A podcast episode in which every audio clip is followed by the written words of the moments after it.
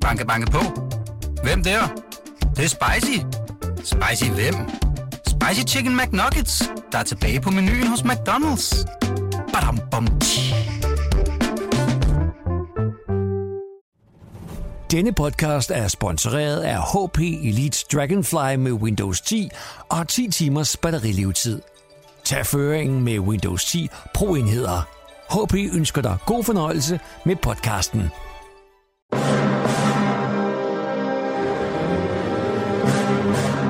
Velkommen til programmet Hitlers Æseløer, et program om bøger om den anden verdenskrig. Mit navn er Jan Cordua.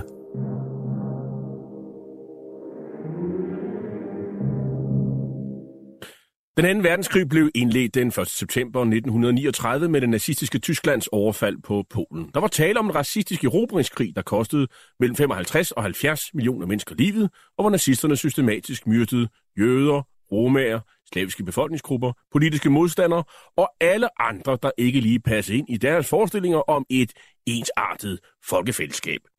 Nazisterne de blev i årene efter krigen dømt ved krigsforbryderdomstolen i Nürnberg, og flere af deres organisationer, såsom nazistpartiet NSDAP, SS og Gestapo, de blev stemplet som ulovlige forbryderorganisationer. I den her serie, som vi har valgt at kalde for Hitlers Æsløer, præsenterer vi nogle af de mange bøger, som i disse år udkommer om den anden verdenskrig.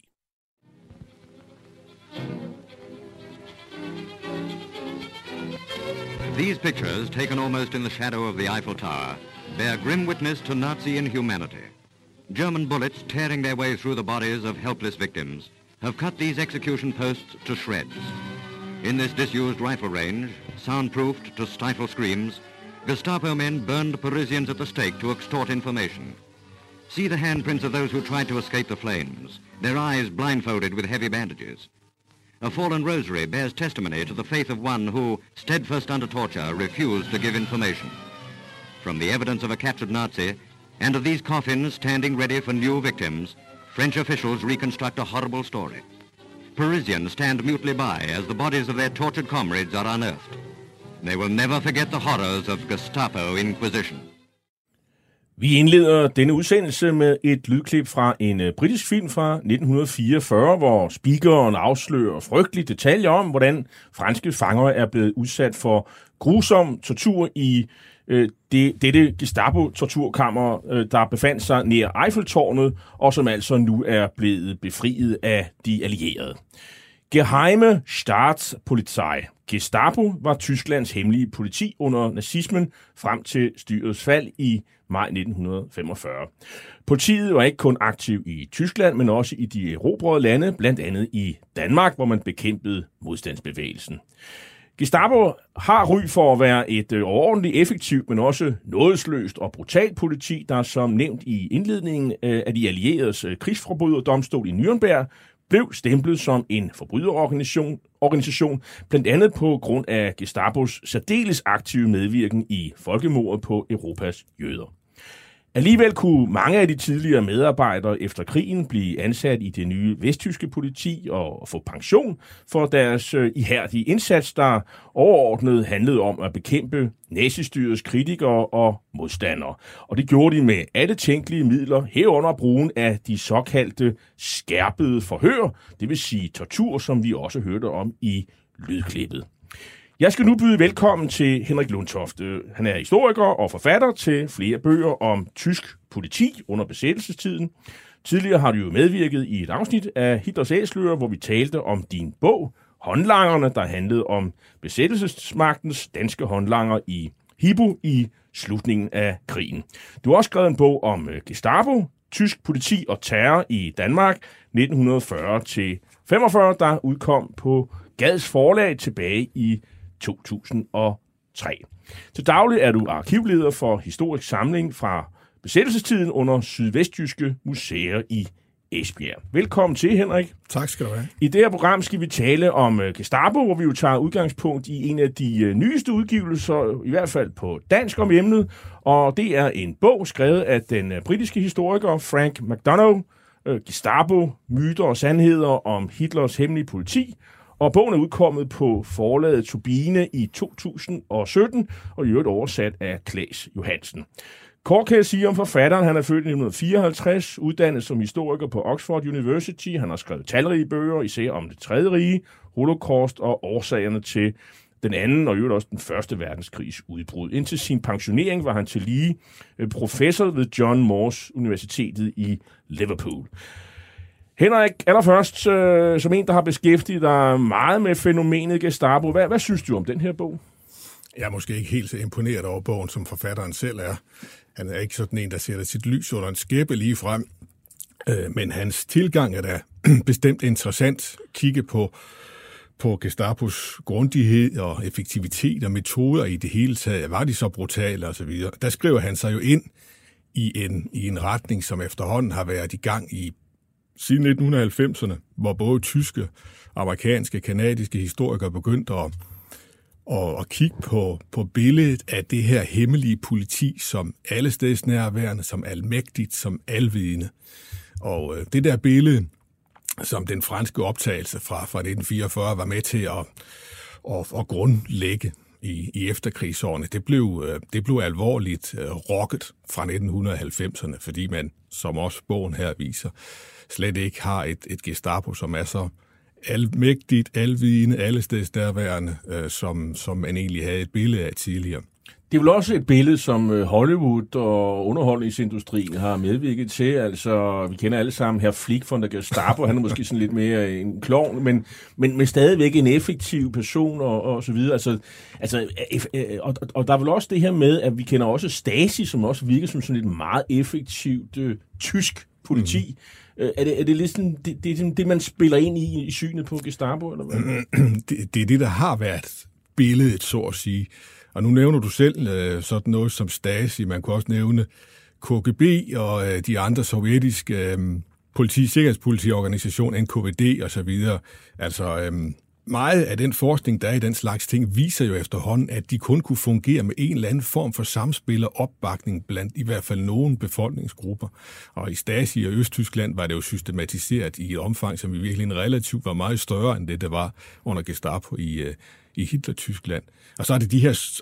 Men, men af alle de her sikkerhedspolitiapparater, der er der jo ingen tvivl om, at det er Gestapo, apropos her Flick og talrige andre film og referencer i populærlitteratur osv., Gestapo er sådan billedet på et hemmeligt, frygt, frygteligt øh, politi, som kan bruge alle metoder, og som ikke er blege for øh, tortur og, og større udryddelsesprogrammer og overvågning en masse osv.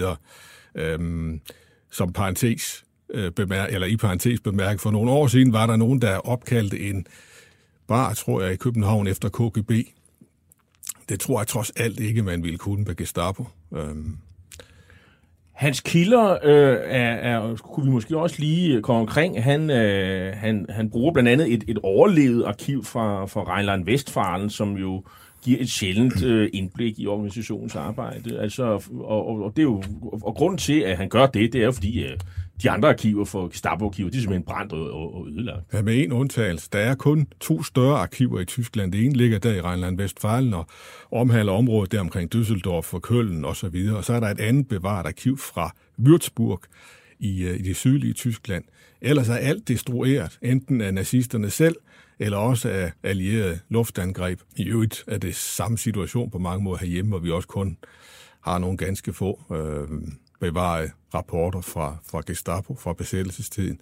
Så, så det, derfor er det jo enormt mm, væsentligt at udnytte de kilder, samtidige kilder, der nogle gange er så, så meget, som man kan.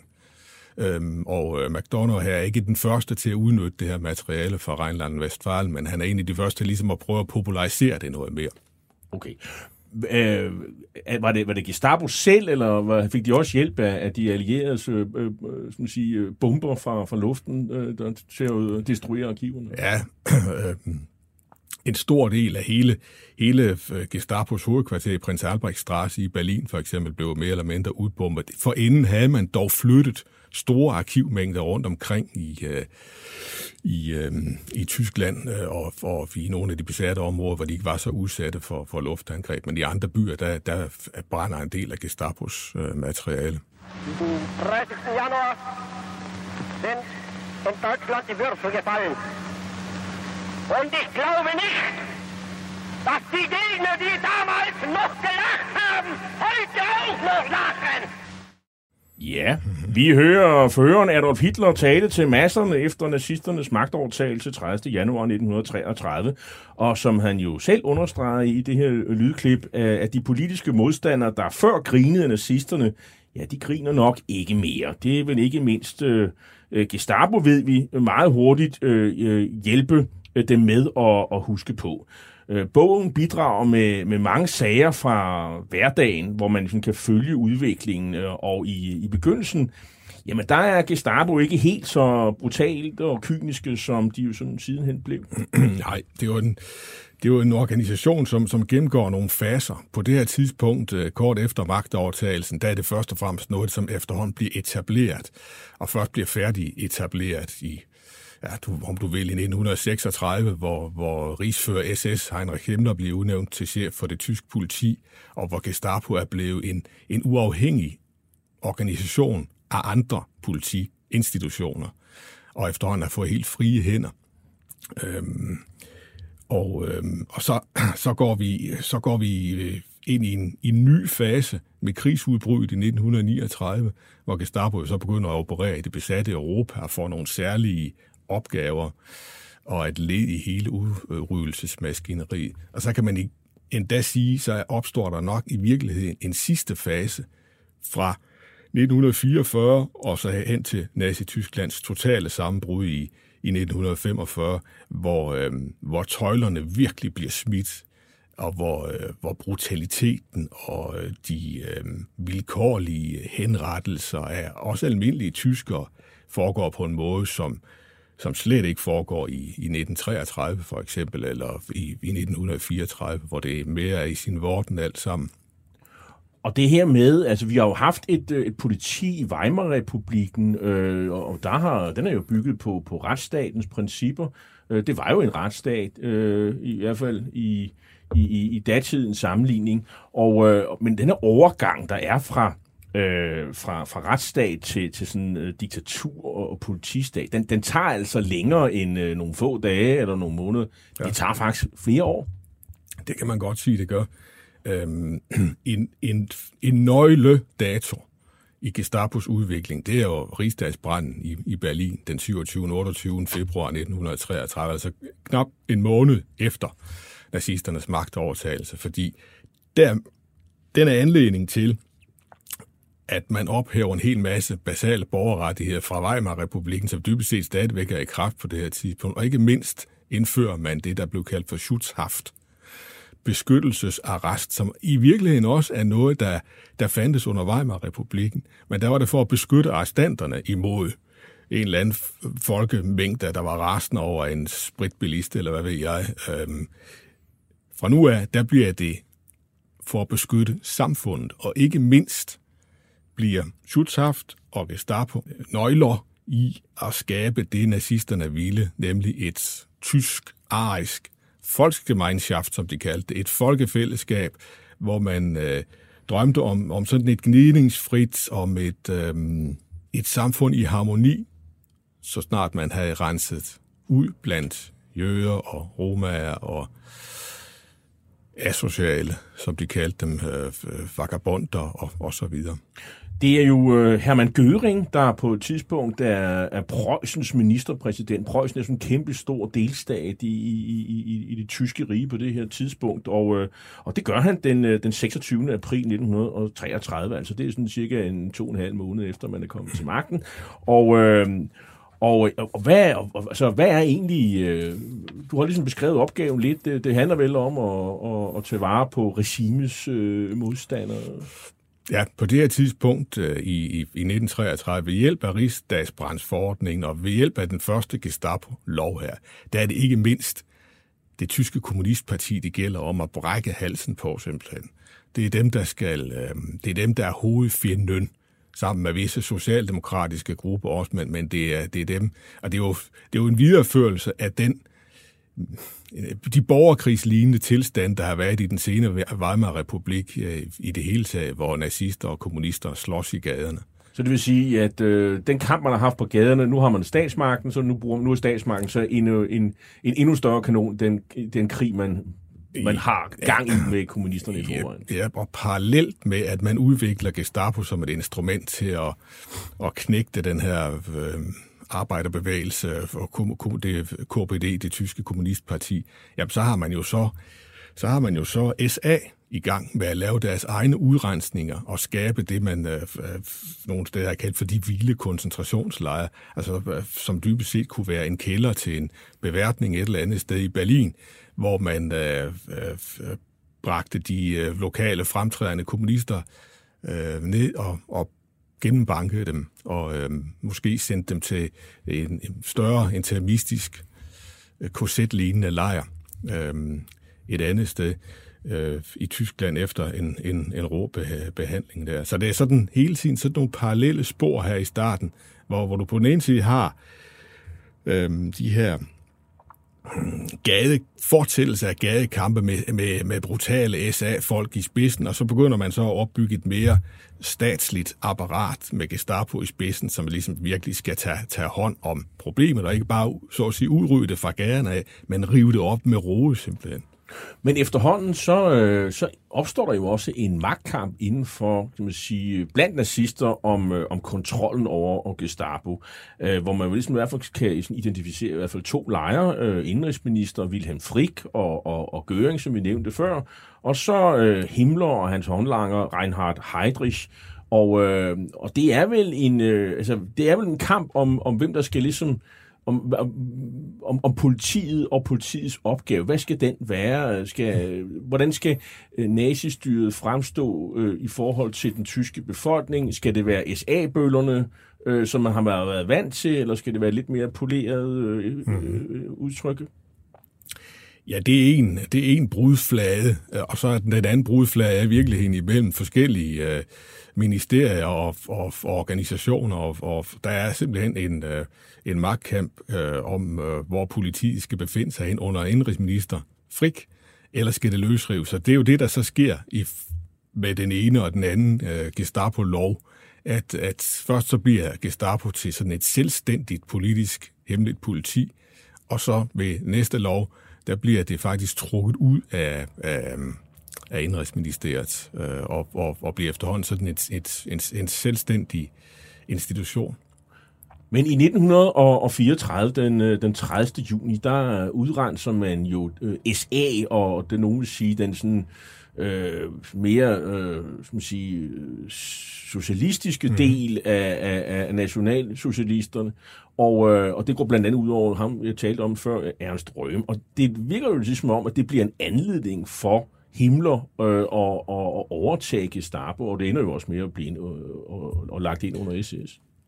Ja, Mm, det er jo en af de andre afgørende begivenheder, den her De Lange Knives nat i, i juni 1934, fordi der demonstrerer Himmler og hans SS, er det vel i første række i virkeligheden, at, at de er altså lojale. Dem kan man regne med, og dem kan man også regne med, når det mest beskidte arbejde skal udføres. Det vil sige begå mor på et, så vidt jeg ved, endnu i dag ukendt antal øh, oppositionelle kræfter med tilknytning til, til, til SA. Og det er jo for at, at, at pacificere Øh, de kredse i det tyske militær, som var noget nervøse ved, de her, ved den her blanding af, han har sagt i deres øjne nærmest øh, national bolsjevikker og bøller fra gaden af, som SA bestod af. Øhm, og det, det, det er klart, at, at, at Himmler spiller en stor rolle i det, øh, i den øh, eliminering af, af de her grupper, og det betyder så, at, øh, at hans stjerne stiger endnu mere, end den allerede er i forvejen. Og så bliver Gestapo jo på en eller anden led øh, jo en, en del af, SS-systemet. Øh, og hvem, bliver, hvem er ligesom øh, nøglepersoner på det her tidspunkt i, i midten af 30'erne? Det er jo igen her Heinrich Himmler fra Bayern af, som, øh, som har en øh, evner at, øh, at, at komme fra, fra netop Bayern, hvor han har en persona være chef for både noget af det her hjælpepoliti, han har været chef for en af de første koncentrationslejre, Dachau, ikke så langt fra München af, og han er blevet chef for det politiske politi i Bayern. Og hele den her model er egentlig den, han forsøger at udvide til, øhm, til hele Tyskland, og det er det, det lykkes ham efterhånden. Øhm, fordi så har man en, en uafhængig, øhm, et uafhængigt politisk politi, som ovenikøbet ved hjælp af Schutzhaft beskyttelsesarresten kan smide folk i koncentrationslejre sådan uafhængigt af det ordinære retssystem. Fordi der har bogen her ret i, at, at det eksisterer jo side om side med, med det, det er ligesom et parallelt system, som man kender det fra andre diktaturer i virkeligheden, men, men her, nogle, nogle historikere har kaldt det for en enorm stat på den ene måde, og så sådan en, øh, en aktivistisk, øh, normløs stat på den anden side, hvor Gestapo er en del af den sidste søjle på mange måder, men også har hænderne over i, eller også arbejder inden for den anden, så snart det almindelige tyskere, gode tyskere for eksempel, som er blevet hørt udtale sig negativt om herr Hitler, så kan det godt være, at man, som det beskrevet talrige steder i, i bogen, kan, kan komme i Gestapo-forhør, så få en advarsel og en øve sådan en nogenlunde almindelig behandling. Så, Men, så hvis man sige, kvævlanter, der på værtshus øh, taler grimt om Hitler, de ryger ikke koncentrationslejre på det her tidspunkt? Nej, nødvendigvis. Nej, og på det her tidspunkt er koncentrationslejrene i virkeligheden meget, meget små. Øh, de er faktisk blevet tømt. Mange af dem, der har siddet inde i nogle af de der vilde koncentrationslejre, jeg omtalte tidligere, de, øh, de bliver faktisk sluppet løs igen på et tidspunkt her. Ikke? Øh, så har de, er, de, er de blevet genopdraget, nogle af dem. Så, så, så det er fortrinsvis en opbevaringsanstalt for, for kommunister, og, og de aktive kommunister i virkeligheden? Præcis. Det, det, er, dem, det, det er dem, der er, er hovedprioriteten i, i, øh, i Gestapos arbejde. Og det, det, næste, det næste afgørende udvikling sker så i 1935-36 og ender med, at, at Himmler ikke bare er chef for Gestapo og så videre, øh, men bliver chef for hele det tyske politi. Og, øh, og en af dem, der også øh, hjælper øh, Gestapo og Himmler med at få øh, endnu mere magt også over borgerne, det er en herre, der hedder Werner Best, Øh, han bidrager jo meget aktivt til opbygning af Gestapo, blandt andet som chef for noget, der hedder Gestapa. Øh, og hvad, hvad er det, han foretager sig? Jamen, han er i det foretagende, er han sådan set øh, en forvaltnings- og øh, juridisk chef med personaleansvar under sig også. Og blandt de, eller bag de der sådan lidt små øh, øh, kedsommelige øh, øh, titler, der ligger i virkeligheden en ekstremt dygtig organisator af hele det her politi øh, som også er i stand til juridisk at, at formulere, hvorfor sådan noget som Gestapo skal fungere øh, uafhængigt af, af, af retsinstanser, skal, skal have den, den mulighed for at, at, at sende folk i koncentrationslejre, for eksempel, for, uden, uden at de kommer for nogen som helst form for domstol. Øhm, han, han bliver simpelthen intet mindre end en slags chef-arkitekt på de indre linjer i hele den her opbygning – og han bliver øhm, også den, der, der formulerer det. Han har skrevet en hel del artikler, og standardværket i Nazi-Tyskland om, om politi, der på mange måder en, en bog, bedst udgiver i 1940 eller 41, så vidt jeg husker. Og ikke nok med det. Den her position gør også, at han kender, han er altså Gud og hver mand i, i det her politi, som begynder at blive bygget op efterhånden. Øh, det er sådan, så, så når folk kommer fra for eksempel øh, Düsseldorf eller Køln og skal, skal til hovedkvarteret i Berlin og tale med dem der, så er det fast indslag, så snakker man med sådan en som, som Werner Bester, så han har en, en stor, stor kontaktflade. Og i lighed med, med andre af de her, det, det er jo nogle... Øh, det er jo nogle byråkratiske arbejdsjern ud over alle grænser. Det gælder også himler, det gælder, øh, det gælder bedst og, og så videre man skal op i, i nogle andre kader, han har sagt, hos Gøring, for at finde sådan nogle levemands tendenser. For at opsummere, altså i 1936 underskriver Hitler en, en lov, netop skrevet bedst, der giver Gestapo helt frie hænder. Organisationen kan herefter ikke underlægges nogen domstol. Øh, efter krigsudbruddet i 27. september 1939 blev Gestapo og alle politienheder underlagt Himmler i det, der hedder Reichssicherheitshauptamt. Hvorfor sker det? Det sker af to grunde egentlig. Det sker som, som led i, øh, i hele Himmlers projekt, som er at skabe den her sådan, tætte tilknytning, eller totale integration imellem politi og SS. Det er egentlig hans, hans vision at lave sådan et slags statsbeskyttelseskorps, som er besjælet med den rette ideologisk nazistiske ånd, og som består af nogle nøje udvalgte øh, øh, typer. Og RSHA er så samtidig også en, en form for reaktion på den krig, der kommer. Det er ikke noget tilfælde, at det, at det er en institution, som bliver oprettet i, i efteråret 1939. så det har noget med, med, med krigsforberedelser at gøre også, og, og, og få samlet kræfterne. Og det, der bliver samlet under RSOA-hatten, det er kriminalpolitiet, det er Gestapo, og det er nazistpartiets og SS's efterretningstjeneste SD. Det uniformerede politi er faktisk stadigvæk en organisation for sig ved siden af. Men ASOA med, med hovedkvarter i, i, i Berlin, i Prins Albrecht Straße, er, hvis man kan bruge det udtryk, simpelthen nervecentret i den øh, undertrykkelsespolitik i forhold til de besatte lande, der begynder med, med overfald på Polen og med udsendelse af øh, indsatsgrupper, der likvidere intelligenser i, i Polen og begynder at myrde jøder i tusindtal og så videre og så videre. Altså, det, hvis man skal finde et, et sted, hvor, hvor det virkelig er, er, at tale om en magtkoncentration, og hvor der bliver lagt store planer, hvor sådan en som Adolf, Adolf Eichmann er tilknyttet også, så er det SHA i Berlin. Hvor stor er øh, sådan den her organisation egentlig? Altså henset til Gestapos ry, så for at være et effektivt organisation, så må det jo være, må de være ret mange jo. Jamen det er de jo, øh, øh, det er de jo sådan set ikke. Øh, der er et tal her i bogen, øh, så vidt jeg husker, på 32.000 øh, for, for et, et, et slutpunkt i 30'erne for, for Gestapos samlede mandskab. Og jeg mener egentlig, at, at under 2. verdenskrig er, er tallet sådan set i, i, i samme lav, så vidt vi ved.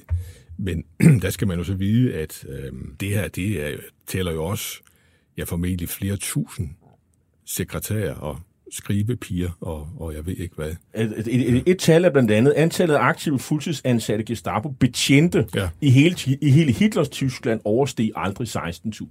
Det er jo ikke et, et, et, et, et kæmpe korps, når man nu tænker på, at det er en diktaturstat. Nej, heller ikke når du tænker på, at, øh, at Hitler-Tyskland var har, er der 60-80 øh, millioner mennesker. Øhm, det er sådan set øh, det er sådan set ikke særlig mange. Og de, og, og de klager faktisk over, at de er underbemandet ja. øh, øh, indimellem. Så det, det må, der må være en anden forklaring, øh, Henrik, øh, og den leverer øh, Frank McDonough og også jo, og han siger, at det er jo en, øh, i høj grad en, en velvillig befolkning, der bidrager til Gestapos succes. Jamen, det, det kan man sådan set godt sige, at øh, det, det er jo rigtigt. Altså, øh, det er klart sådan en... Øh, en klein organisation kan jo ikke øh, fungere, uden at der er en eller anden form for samarbejde med, med befolkningen. Og det viser sig jo så også, at en stor procentdel af deres aktiviteter stammer fra, at almindelige tyskere angiver hinanden, eller angiver en jøde i nabolaget, eller og så har man jo ansatte spioner øh, ja. på lønningslisten. Det virker jo som om, det er den model, man kører videre med i DDR, med inofficielle og medarbejdere. Ja. Øh, eller har jeg misforstået noget? Øh, det kan man, jeg ved ikke, hvor inspireret øh, man var i DDR. Det ville de i hvert fald aldrig selv have indrømmet. Men, men, øh, men, og de havde i øvrigt et meget større og mere udviklet system, end man havde på mange måder her i, i Hitler-Tyskland. Men du har, du har den her sådan, øh, improviserede øh, eller spontane angiveriform, hvor, hvor, hvor underbogen bliver sur på sin overbog, fordi øh, øh, der er ofte, det viser bogen her jo også i lighed med andre, at ofte er der nogle helt banale sociale øh, konflikter på spil, som så gør, at, at øh, når overbogen så måske også alligevel har ytret sig lidt kritisk om Tysklands krigsførelse eller Hitler eller et eller andet, så øh, angiver underbogen vedkommende til, til, til, til Gestapo. Men meget mere øh, øh, systematisk er det jo, at, at sådan nogen som, som nazistpartiets øh, øh, nederste lag, bloklejterne for eksempel. Altså i sin egen boligejendom? Ja, ja, præcis. Øh, jamen, de havde også en eller anden form. Det, der, der var også nogle øjne og ører for, for Gestapo i dem. Og så har de så endelig også for det tredje, så nogle deciderede infiltratorer, eller stikker, som vi vil kalde det. Dobbeltagenter. Ja, ja, præcis. Øhm, som, som de mm, nogle gange kører rigtig dygtigt, og som de har held med at bruge i forhold til nogle af de kommunistiske overlevende netværk, der er rundt omkring i, øh, i Tyskland for eksempel. Øh, en anden øh, øh skal man sige, nøgleperson, det er jo sådan chefen for, for, for Gestapo, faktisk næsten gennem hele perioden. Øh, en, der hedder øh, Heinrich Müller. En lidt savnomspunden person, fordi man ved ikke rigtig, hvor han døde henne, og og han ligesom øh, i stil med mange andre nazister menes at være flygtet til Syd Sydamerika, eller så døde han i Berlin de sidste dage. Ingen ved det rigtigt. Han hedder også Gestapo Müller, fordi der et Müller er jo ret almindeligt navn, og Heinrich Müller er også et rigtig udbredt almindeligt navn. Så, men ja. Gestapo Müller, øh, han er sådan en, egentlig en lidt en, en, en prototype på den type, man jo ligesom ansætter i Gestapo. Altså egentlig ikke rigtig nazist, øh, men, men, men, men har været politimand og, øh, og sådan en, en, en embedsmandstype? Ja, altså man kan sige, der der er ligesom to typer, hvor han, han repræsenterer en, en arketype. Nemlig den sådan gamle øh, politimand, som måske har blevet ansat lige efter Første Verdenskrig eller i 20'erne øh, i, øh, i tysk politi og fra og øh, spacere gaderne tynde øh, som ordenspolitimand, så kommer de over noget kriminalpoliti og bliver måske også involveret i noget politisk politiarbejde, som Heinrich Müller bliver. Han bliver noget af en kommunistekspert i, øh, i, i Bayern. Og netop de evner er nogen, som, øh, som nazisterne øh, naturligvis rigtig gerne vil øh, benytte sig af, da de kommer til magten. Så ser de ikke så, så, så nøje på, om man så har en partibog, eller er medlem af SS, eller hvad. Og i Henrik Himmlers tilfælde, ikke? her har vi med selveste Gestapo-chefen fra, fra slutningen af 30'erne og til maj 1945 at gøre. Han bliver altså først partimedlem helt op omkring øh, øh, 2. verdenskrigs udbrud. Jeg retter dig lige. Det, du sagde Heinrich Himmler. Det er Heinrich Müller. Undskyld. Ja, Müller. Heinrich Müller. Ja. Men uh, Heinrich og Heinrich, det er, udmed, det er et meget almindeligt navn. Øhm, men, men igen, øh, er han en effektiv chef, vil du sige det? Ja, det er han. Øhm, han er endnu et af de her byråkratiske arbejdsjern, jeg omtalte før også. Altså virkelig en, øh, en mand, man uh, beskriver som, som en person, man altid kunne få fat på. Øhm, han er også en af de her øh, sydtyskere med, med, med, med, nogle, øh, med nogle stærke netværk dernede fra. Øhm, og, og så er han heller ikke så gammel. Han er, han er samme aldersklasse som, som, som Himmler, øh, og født omkring år 1900, altså som 36 år blev han øh, chef for Gestapo. Det er jo altså virkelig en, et, et højt job at få for så ung en mand, vil jeg sige. Ja, men, og, og det er nemlig fuldstændig rigtigt, fordi øh, det her er jo på mange måder et meget, meget ungt apparat. Øh, så øh, det Himmler er selv øh, øh, kun i 30'erne, da han, da han virkelig springer frem og, og, og, og bliver chef for hele, for hele det her apparat. Og, og det samme med Det samme, han er endnu yngre. Best er også yngre. Øhm, Møller. Øhm, og sådan kan man blive ved. Og ved siden af sådan nogle, øh, sådan nogle typer som Heinrich Müller, altså nogen, som har trådt deres barnesko i, øh, i Weimar-republikens politi forskellige steder i Tyskland, som typisk er antikommunister, som først og fremmest, og i hvert fald oprindeligt, er lojale embedsmænd.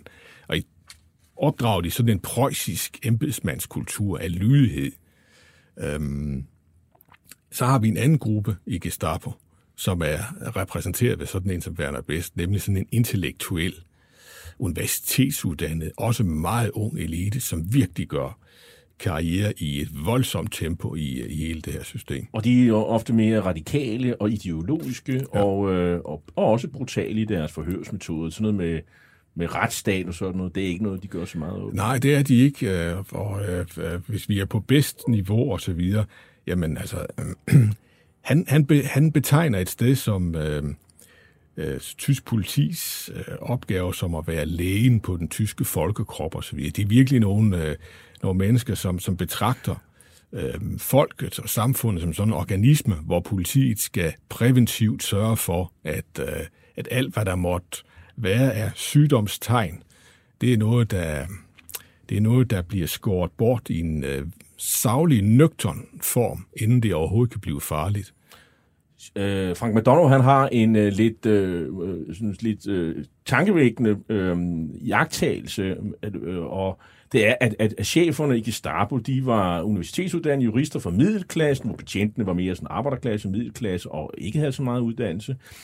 De var som regel under 40 år, og så lignede de lærerstaben på et universitet, øh, hvis man kan forestille sig, hvordan sådan nogen så ud. Øh, det er jo ikke sådan, det, det, er man, det, er jo ikke, det er umiddelbart ikke nogen, der virker så frygtindgydende, i hvert fald ikke ved første øjekast.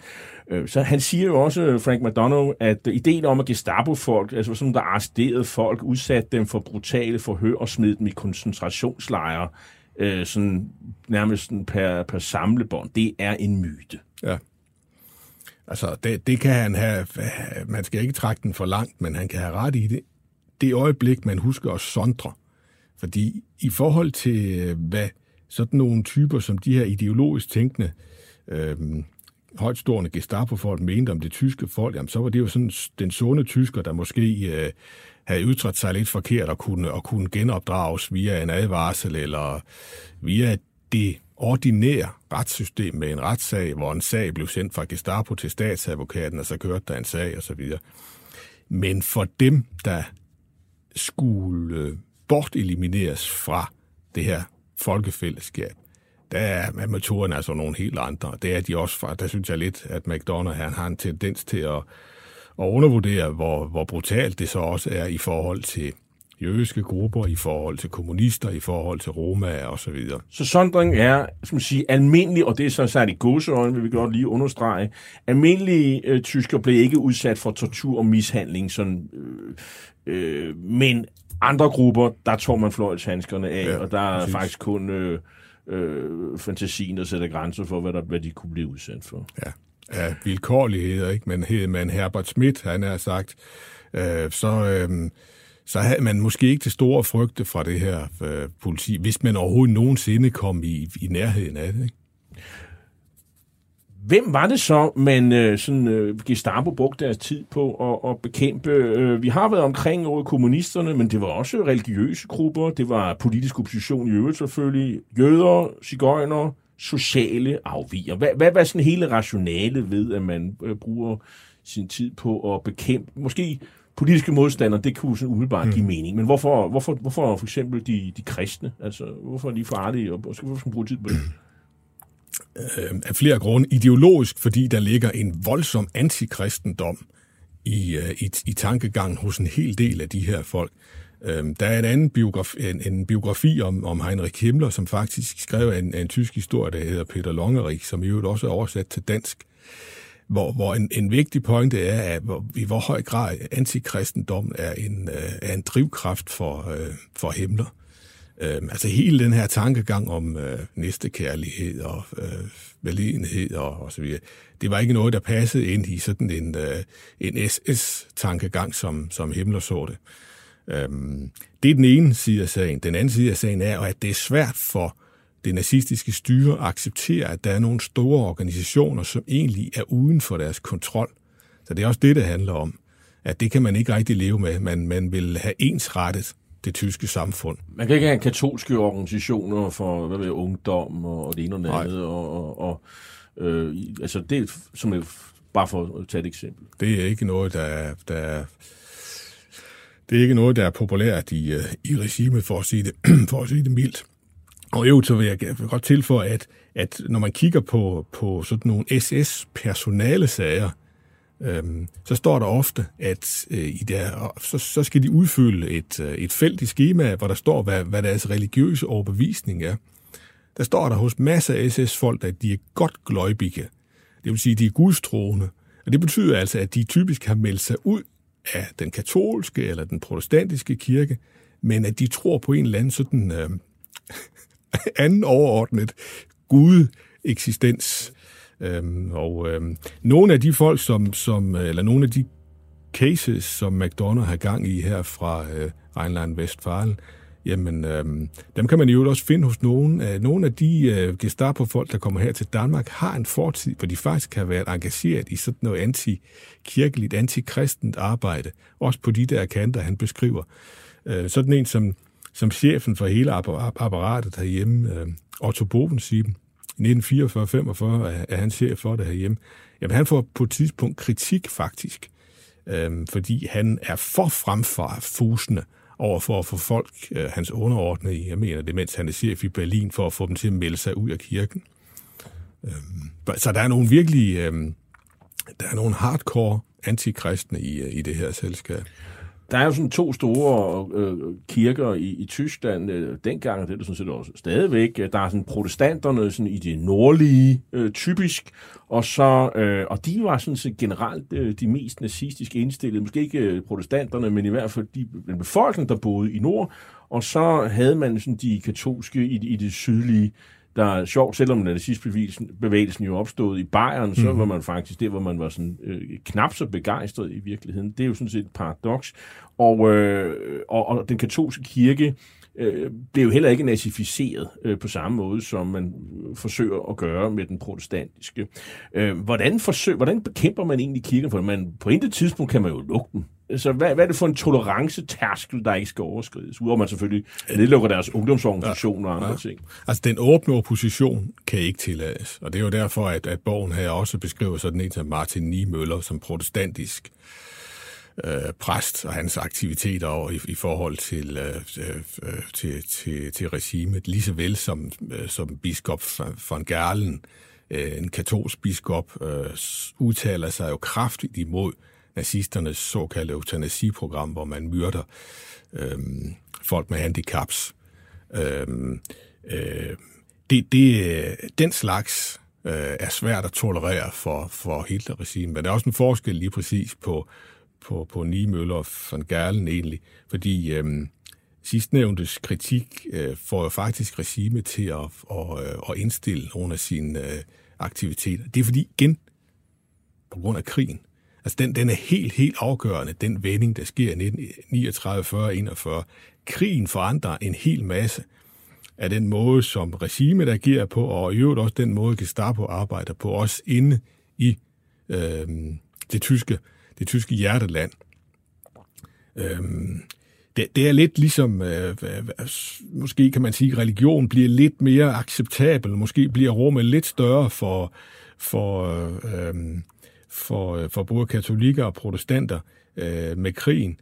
Øh, jeg kom til at tænke på, det, det er lidt ligesom, når, når Stalin i sommer 1941, hvor øh, de tyske tropper tordner igennem, øh, lige pludselig chokerer den sovjetiske befolkning da han tiltaler dem brødre og søstre, og ikke kammerater, proletarer, eller hvad ved jeg. Men, men altså, i en, i en krisetid her, der, der bliver der lidt mere plads i diktatur til, øh, til religiøsitet. Og det er pludselig også øh, en fæderlandskrig øh, og, og andre ting, og, og kirken bliver ligesom også tolereret i Sovjetunionen på det her tidspunkt, fordi ja. man ligesom skal have alle med. Det vil sige, der er større ånderum, øh, og, og man bruger ikke tiden på at, at, at nedkæmpe kirken, fordi at, ja, man er jo engageret i andre ting i, i Tyskland på det her tidspunkt. Det er vel også det, det, det, det handler om. Jo, for... Og så har man vel også nedkæmpet, kan man sige, de allermest oppositionelle ja, præster, de sidder jo i, i, i fængsel. Ja. Det gælder Nimøller, det gælder øh, Bonhoeffer for eksempel, ikke? En anden øh, fremtrædende protestantisk øh, teolog. Og, og Nimøller blev beskrevet her ja. i, i bogen som en, en tidligere ubådskommandant, ja. og så senere hen uddanner sig som præst, og som oprindeligt er nationalist. Ja. Øh, altså på ingen måde en venstreorienteret. Øh, det, det er jo ham, øh, som øh, kendt for, for digtet om, at først så kom de og hentede øh, Socialdemokraterne, ja. og kommunisterne og jøderne, men han var hverken det ene eller andet, og til sidst var der ikke nogen til at protestere, ja. i, i, da de kom og hentede ham. Ja. Øh, og det er jo sådan øh, en, en, en, et, et, et digt, som, som, som mange øh, kan huske. Øh, det er jo også... Øh, Øh, I den katolske kirke er det jo også øh, lidt interessant, at man øh, jo synes, det går efter at Øhm, og, og efter katolske præster, som jo har udført øh, overgreb mod børn, mm-hmm. øh, det har den katolske kirke i vores tid jo, jo også slåsset med. Altså, det er jo ikke helt utænkeligt, at det jo også er sket på det tidspunkt. Øh, der, øh, men det er jo sådan en anledning, kan man sige, man, man bruger til at angribe kirken. Og det virker jo også som om, det er, sådan, for, er rimelig effektivt, eller hvad? Ja, det er, det er kort beskrevet i bogen her, øh, øh, og øh, ja, jeg ved faktisk ikke, hvor meget øh, og hvor systematisk øh, man, man prøver ligesom at defamere den katolske kirke ved at, at pege på, på pædofilitendenser i, øh, blandt, blandt nogle af, af de katolske præster osv. Og, og man lever jo ikke i en retsstat, så vi må også lige sige, at de, de præster, der blev udsat for det, har jo ikke rigtig på samme måde som i dag i hvert fald mulighed for at komme til ord. Nej. Nej. Øh, men men øh, øh, så har der jo også øh, Jehovas vidner, som jo øh, øh på, i datiden blev be, betænkt, beskrevet som øh, bibelstudenterne og bibelforskerne, og, og hvor, hvad skal man sige, den, øh, de tyske kirker, specielt den protestantiske kirke, jo ligesom øh, forsøger at sådan indgå et kompromis med, øh, med staten og underlægge sig de restriktioner, der er øh, på forskellige vis. Altså, de, man, man, man, man er jo sådan set meget lojal med systemet. Nu er man jo en krigsførende nation og så videre. Man går jo ikke mm. imod krigen på samme måde. Men, øh, men øh, Jehovas vidner, de, øh, de underkaster sig jo et øh, martyrium. Altså, de, de underkaster sig jo aldrig Nej. øh, nazistaten. Nej, det gør de ikke. Og det er jo den dens problemer. Det er også derfor, den bekæmper den. At, at der er en gruppe igen, der, er, der, der, der ikke kan kontrolleres af staten og som ovenikøbet købet øh, jo bygger på sådan noget uantageligt for regimet som pacifisme. Altså, de vil ikke ind i de væbnede styrker og i krig for Hitler. Øhm, så, så der ligger jo sådan i hele deres form for religion en, øhm, en distance. Øhm. Men heldigvis for Jehovas vidner, så mister Gestapo efterhånden interessen for dem, selvom mange af dem jo ender i, koncentrationslejre, men fordi de nægter at, at, tage, ja. at, at gå ind i, i, øh, i hæren.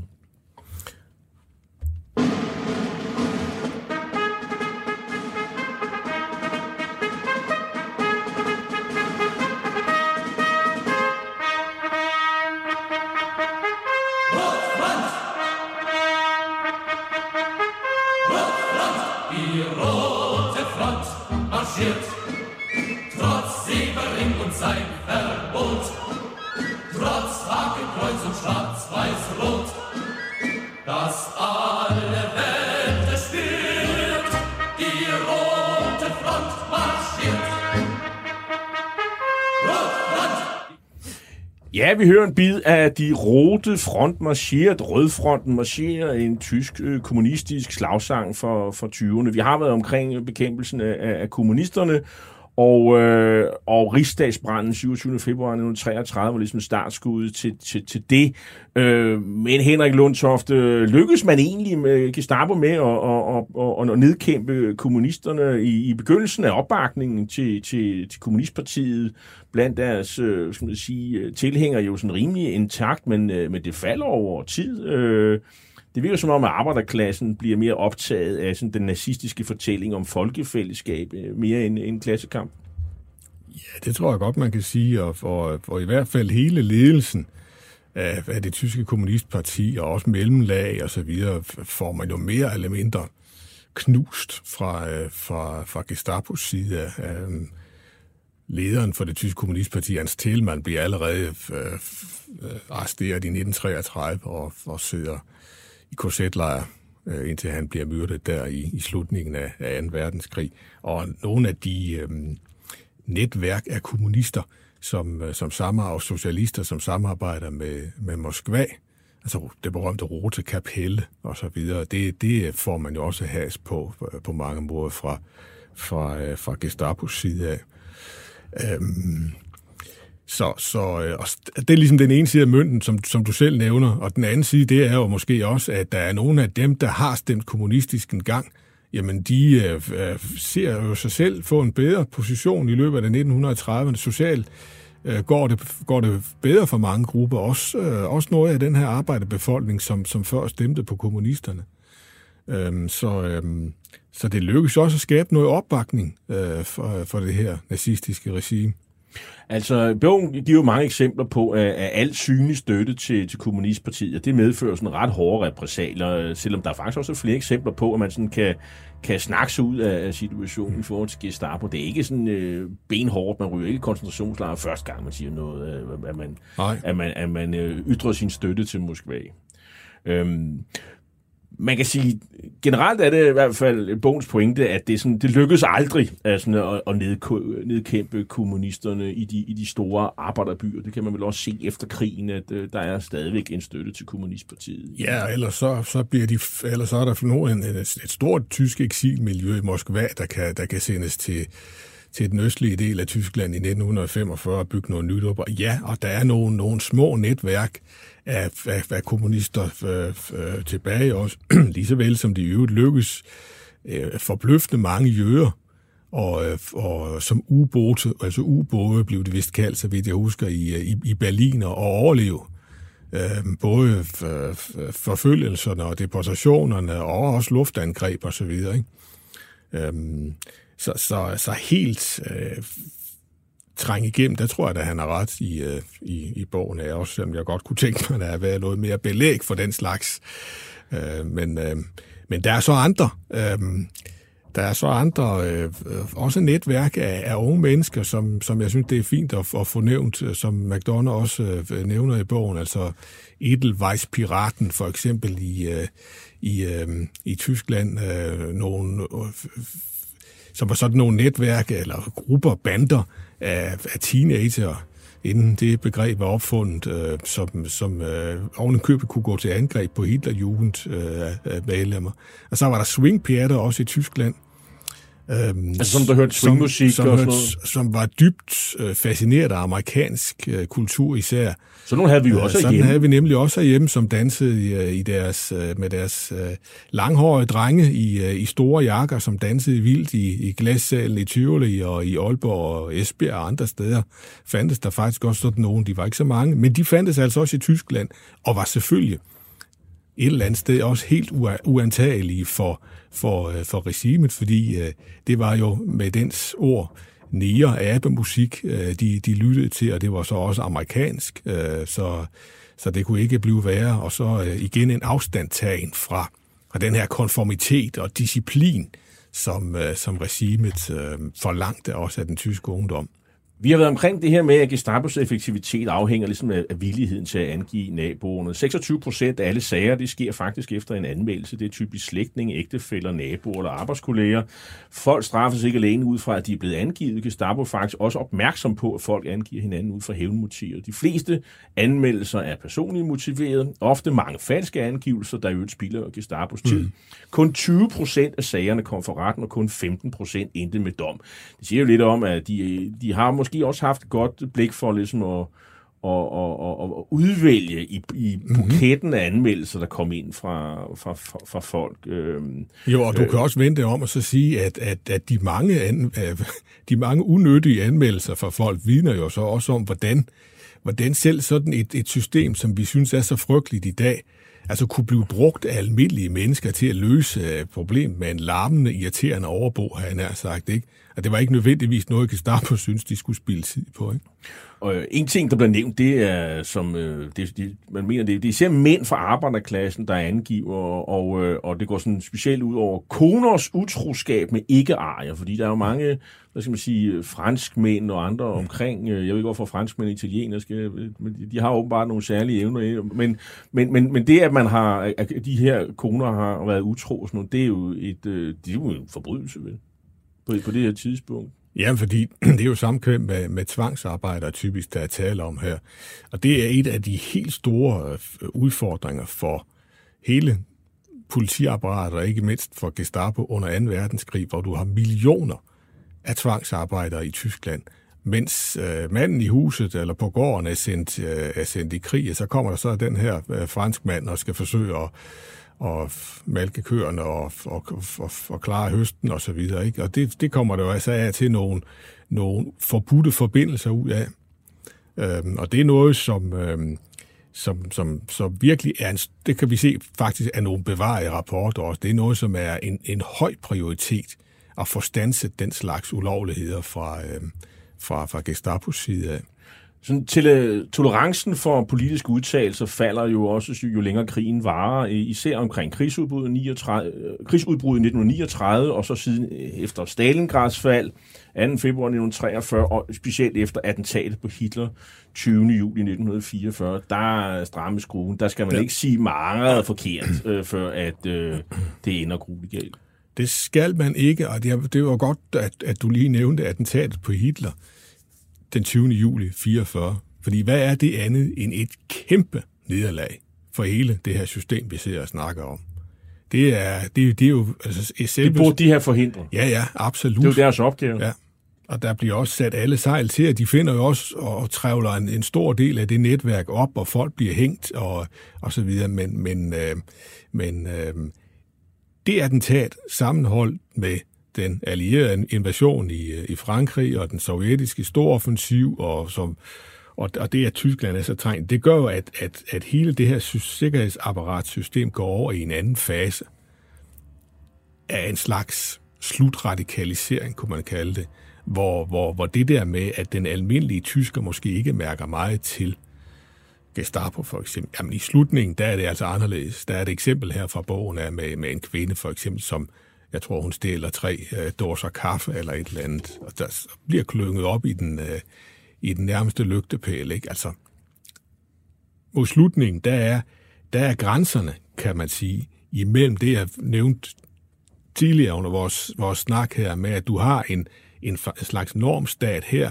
og så vilkårlighedsstaten ved siden af, hvor, hvor, hvor, hvor man kan sige, til slut, der, der hersker vilkårligheden øh, mere eller mindre over det hele. Men øh, man må også sige, at allerede sådan fra, fra september 39, der giver det altså strafarbejde i flere år for at lytte til udenlandske radiostationer. Mm. Det er, altså, i, og i 1940 fik 11 personer dødsstraf for at lytte til øh, en, en, en fjendtlig eller en udenlandsk radiostation. Øhm, man kan kigge på, øh, øh, på, på som sige, hyppigheden af, af såkaldte særdomstole og, og dødstraffe for, for politiske udsagn, for ligesom også illustrere udviklingen. I 1938 blev der afsagt 139 dødsdomme, og i 1943 var, var tallet steget til 5.336. Øhm, øh, så kan man sige, at det, det er jo sådan set statistikkerne, men det, at folk kommer i koncentrationslejre, gør jo næsten også, at de forsvinder nærmest for, for statistikkerne, fordi at døde folk, der var indsat i koncentrationslejre, og som dør på en unaturlig måde, Øh, ja, altså de, det kunne jo sådan, civil, de civile domstol fra 1939 ikke blande sig Nej. i, øh, så det vil sige, der er jo et mørketal. Et kæmpe, kæmpe, kæmpe stort mørketal af, af såkaldt tyske asociale, vanekriminelle, øh, kommunister og andre socialister, Jehovas vidner osv., som forsvinder i koncentrationslejrene, og som slet ikke er en del af, af den der statistik. Fordi fra altså, hvis man kan tale om en korsetlejrkonjunktur, han er sagt fra, for du har de første vilde koncentrationslejre i 1933, så falder tallet af, af indsatte øh, væsentligt. Så begynder det at stige, da man i midten af 30'erne begynder øh, øh, på, på de her aktioner imod, imod såkaldt asociale og vanekriminelle osv., og så stiger det jo så igen under... Øh, under den anden verdenskrig, hvor antallet af, af, af korset hovedlejre og ikke mindst alle deres et ufatteligt stort antal af, af, af udelejere til de her, til Nøgen Gamme og til Dachau og så videre. Der taler vi jo øh, ja, flere tusind, så vidt jeg husker, ikke? Øh, og det gør også, at hele, hele undertrykkelsesapparatet i øvrigt kommer jo meget, meget tættere på, på den enkelte tysker, hvor man kan se de her øh, udmagrede, gennembankede korsetfanger massiere afsted, øh, fordi de skal ryge op i ruinen, eller hvad, nu, hvad de nu skal. Øh, det, det, er jo, det er jo ikke nogle øh, mennesker, som, som ofte får særlig meget opmærksomhed i alle de andre skal man sige, grupper, som, øh, som, som nazisystemet øh, forsøger at bekæmpe. Men øh, du har jo nævnt det nogle gange, altså dem, de såkaldte asociale. Altså man har jo en eller anden... Øh, rasekrig, eller hvad skal man sige, imod de dele af befolkningen, som man ikke rigtig bryder sig om. Øh, øh, man er jo også med til at, at, at tvangssterilisere blandt andet psykisk handicappet, men det gælder faktisk også det, man kalder for sociale øh, afviger sidenhen. Øh, der er et lovforslag fra 1944, der taler, taler om behandling af fællesskabsfremmed. Det er altså det, man bruger om de her grupper.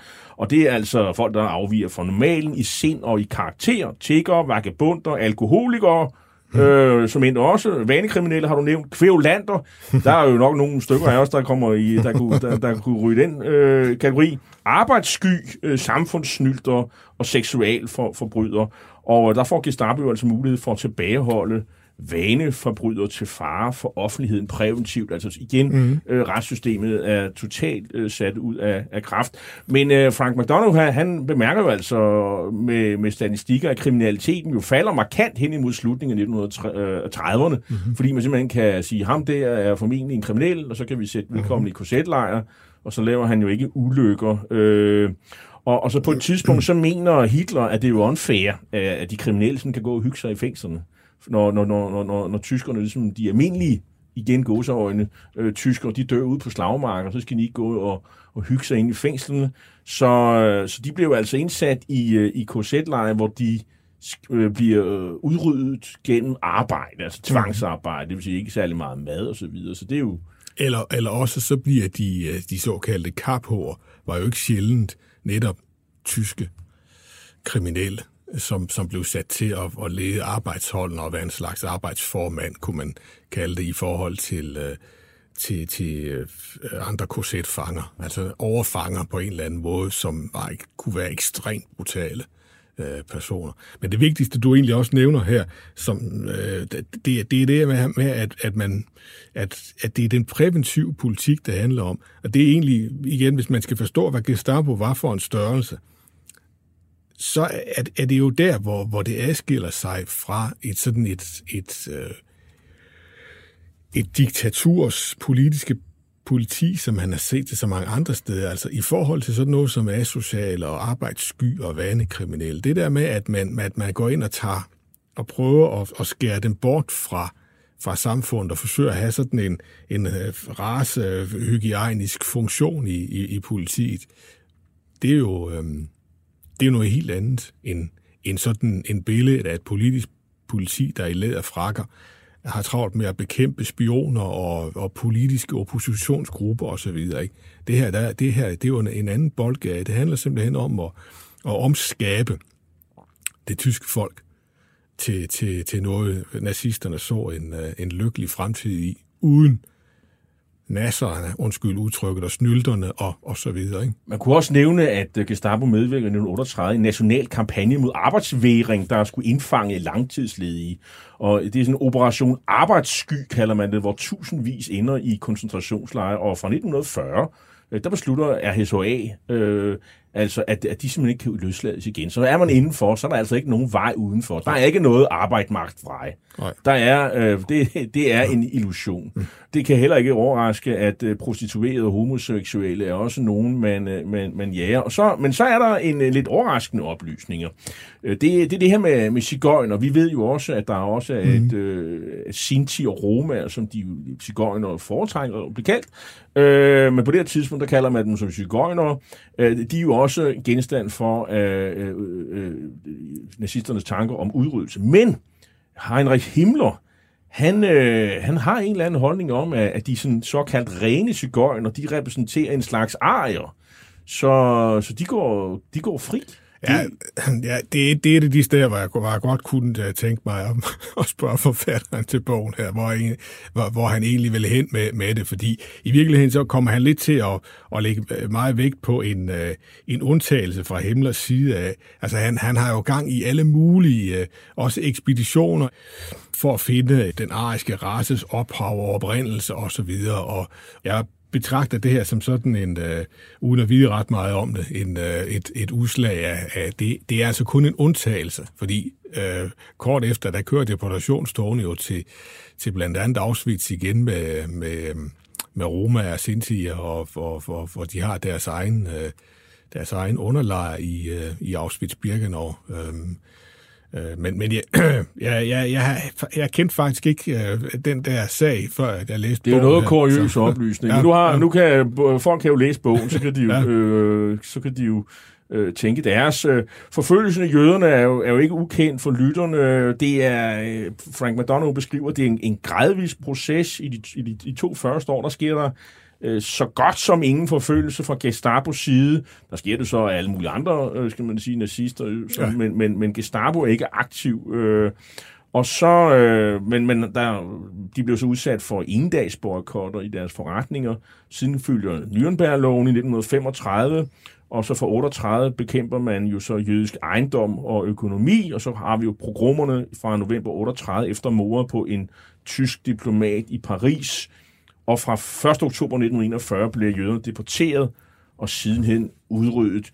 Øh, der er en oplysning om, at cirka lidt mere end en procent af Tysklands befolkning var jøder i 1933. Mange var jo øh, sekulære, konver- havde var konverteret mm-hmm. til kristendommen, var indgiftet med ikke-jøder. Og, og, øh, og der er jo så det her med, at de har den her mærkelige forestilling om, at at børn er, er det er kun ægte jøder, man, man, man, man skal slå ihjel. Børn af blandede ægteskaber, de kunne overleve, og ægtefælder til Øh, hvis, altså hvis jøderne var, var gift med en mm. ikke-arier, så, så slap man også for at blive øh, deporteret. Øh, og, øh, og, øh, og, men altså det igen, Gestapo øh, er aktiv i jødeforfølgelsen, og ikke lige fra starten af, men stort set øh, indtil øh, at togene kører mod øh, krematorieovnen. Absolut. Altså, øh, det er helt rigtigt. De første år, der med, med, med boykot af jøderne og, og, og så videre, der er det egentlig ikke Gestapos øh, GB. Men netop der fra 536, hvor Himmler bliver chef for det tyske politi, der har vi øvet overleveret en, øh, hans, hans noter til, til, til en temmelig afgørende samtale med Hitler. Hvor der, på, på det stykke papir, der står der både noget med, miljøer, og der står noget med såkaldte asociale vanekriminelle, så vidt jeg husker. Og det er jo fordi, at det, det, var, det var et eller andet sted, at det, er det den samme politik. Altså det tyske folkelæme, det skal simpelthen renses for de her elementer, som, som forurener og forgifter. Der er et udmærket citat i bogen her også, hvor, hvor Reinhard Heydrich øh, udtaler om, om jøderne, at, øh, at man øh, er nødt til at eliminere dem totalt, sådan som man, øh, øh, man gør med, med rotter, hvor man jo også bruger gift og gas, så vidt jeg husker, siger han sådan. Og, og der, der, der opstår jo i det her system, efter at man har i, hos Adolf Eichmann og, og andre i Gestapo arbejdet med at deportere jøderne til Madagaskar og så videre, jamen så, så begynder man fra 1941 at tænke på en, en anden måde, som er helt utænkelig, skal man huske, nogle år for inden. Men igen, krigen, verdenskrigen, er, er helt afgørende og gør, at, øh, at, at, at det, det, der var utænkeligt, det begynder at blive øh, en del af de her øh, ideologiske byråkraters øh, tankegang i, øh, i Gestapo-hovedkvarteret i, i Berlin og, og, og munder ud i, øh, i, øh, i planer om at tilintetgøre, det vil sige til myrde alle Europas jøder.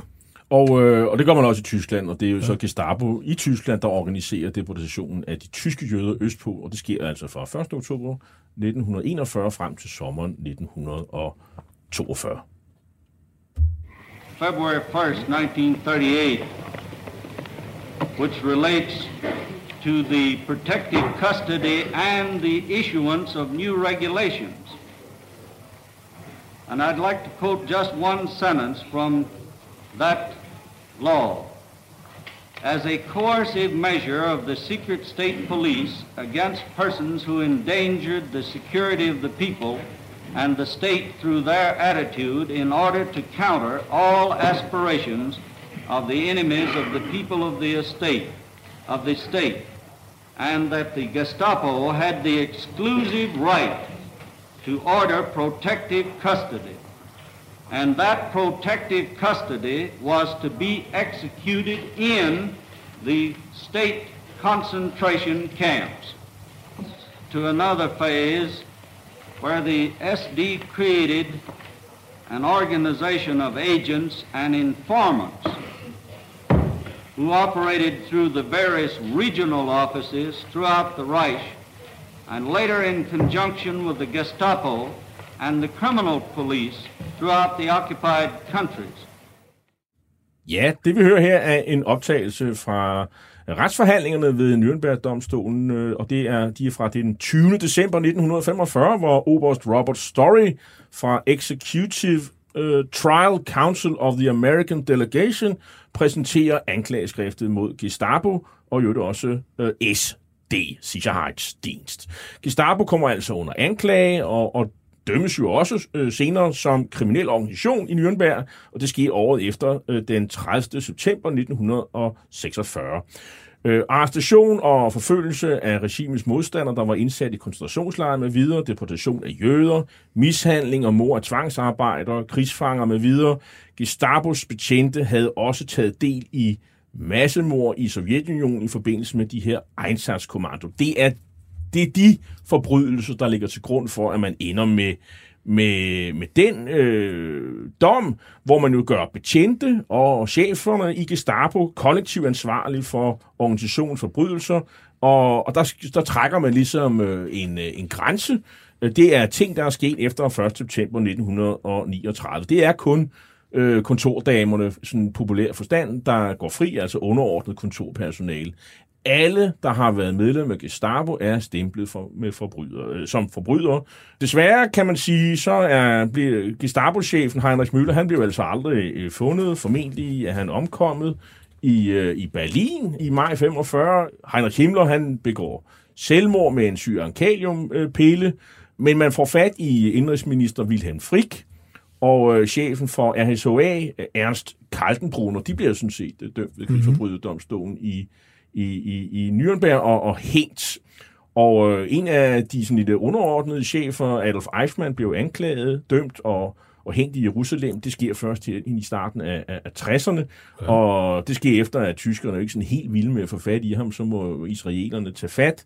Men der er jo også andre centrale Gestapo-folk i Tyskland, som senere hen opererer i Danmark. Det er folk som Otto Buffensieben, som du har nævnt, Karl-Heinz Hoffmann, og ikke mindst øh, Werner øh, bedst. Øh, og øh, hvordan går det egentlig dem? Øh, flere af dem får jo dødstraf i, i, i Danmark, øh, men bliver sådan senere hen udvist. Hvordan, hvordan, hvordan går det dem i, i det tyske øh, retssystem, øh, Henrik Lundtoft? Det går da meget godt.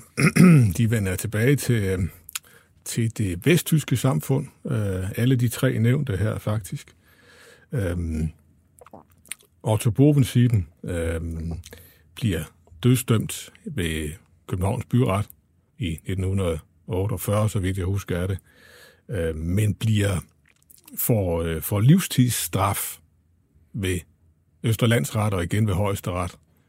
Øh, og så bliver han så øh, sendt tilbage til Vesttyskland øh, i 1953.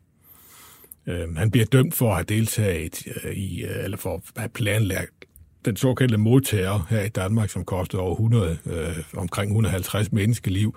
Han har været med til at beordre øh, Gestapos aktioner imod øh, modstandsfolk, såkaldt danske asocial, osv. osv. Interessant nok, så spørger man faktisk i det danske retsopgør ikke Boben Sieben eller anklager ham for, hvad han har lavet, inden han kom her til landet i, i 1944. Det interesserer man sig uendelig lidt for.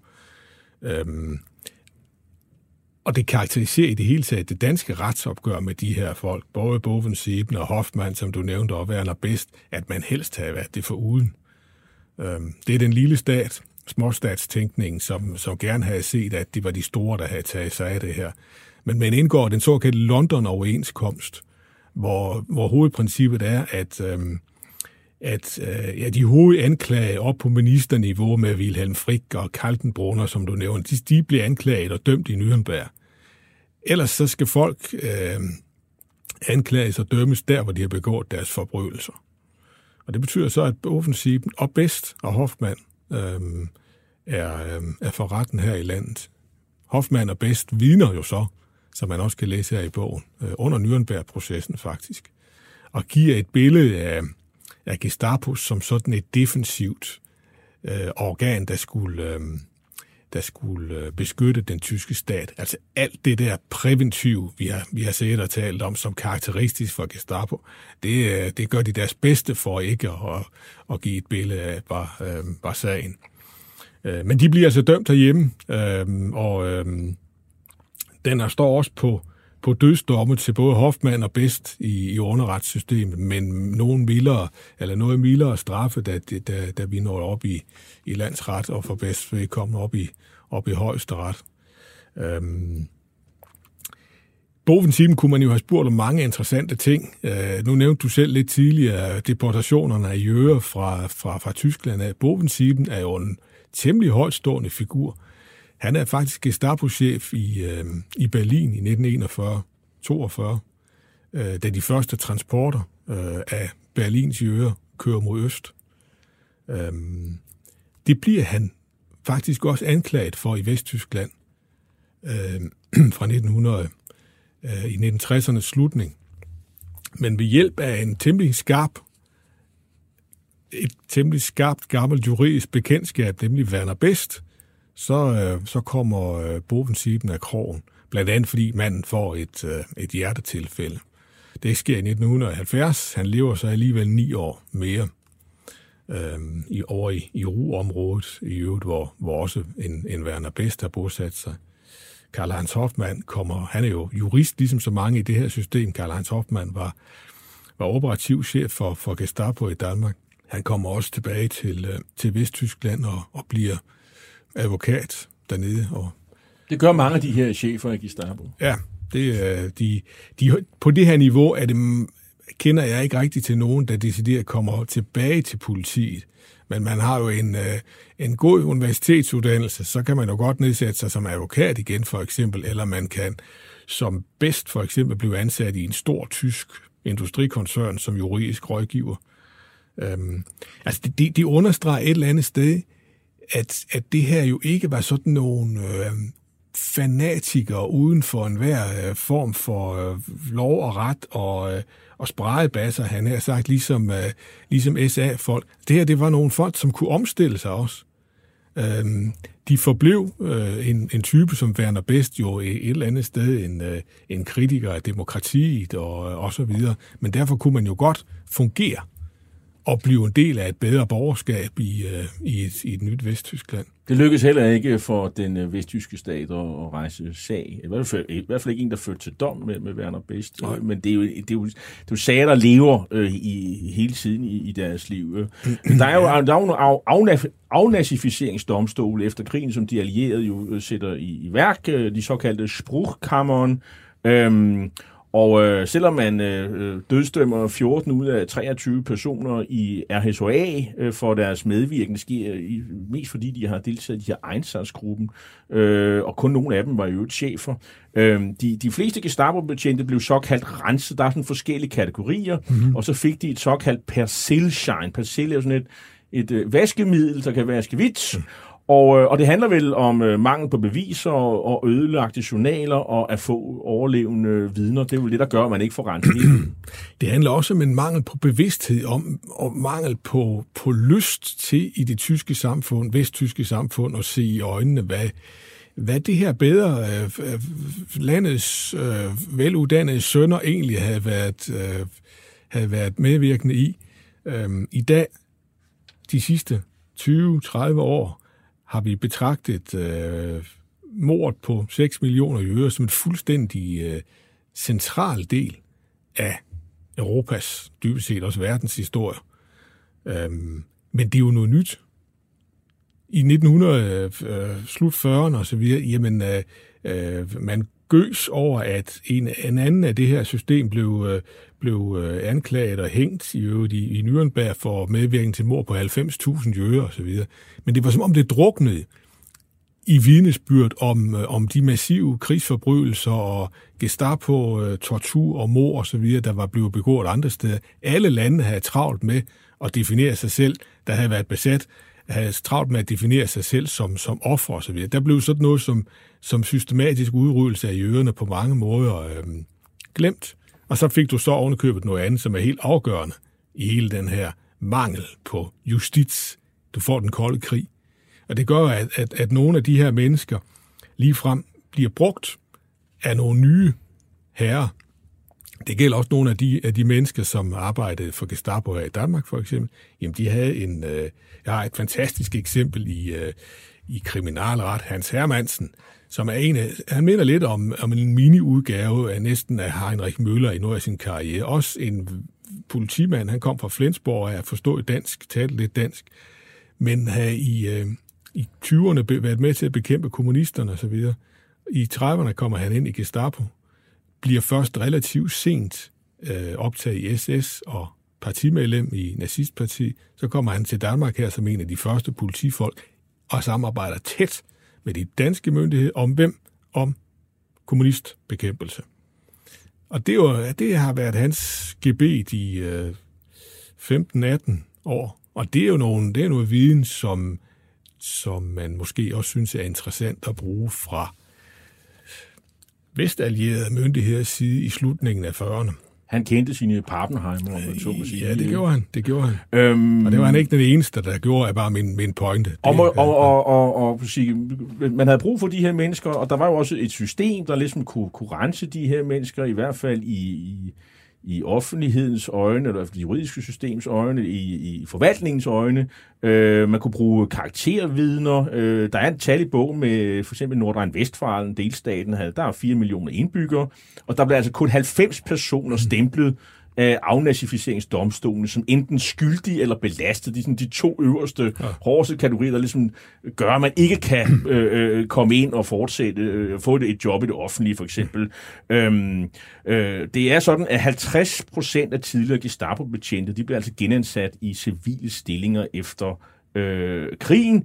Øhm, I DDR, der gik man hårdt til værks med udrensning af, af de gamle nazister, og DDR, de var jo også så venlige, flinke, at de udgav i 1965 en, en bog, den brune bog kaldte de den, hvor de navngav 1800 nazister, som indtog centrale positioner i Vesttyskland. Altså øh, et forsøg på ligesom at illustrere, at øh, det er ligesom de, øh, de gamle nazister har ligesom overtaget igen, og det, ja. det, det kunne man ligesom køre med i det der øst-vest øh, opgør i, i mange år. Absolut. Altså i, øh, i kommunistisk østtysk optik, der var nazisten, nazismen og nazisterne er jo ikke andet end en slags øh, udvækst på kapitalismen. Øh, så, så at kunne prøve at, at give et billede af et, en, et, øh, kapitalistisk vesttysk samfund, som inficeret af, af gamle nazister, det passer jo smukt ind i, øh, ind i billedet. Og der kunne jo være noget om, og der var ikke kunne, der var jo noget om snakken fordi man ikke havde fået gjort et opgør.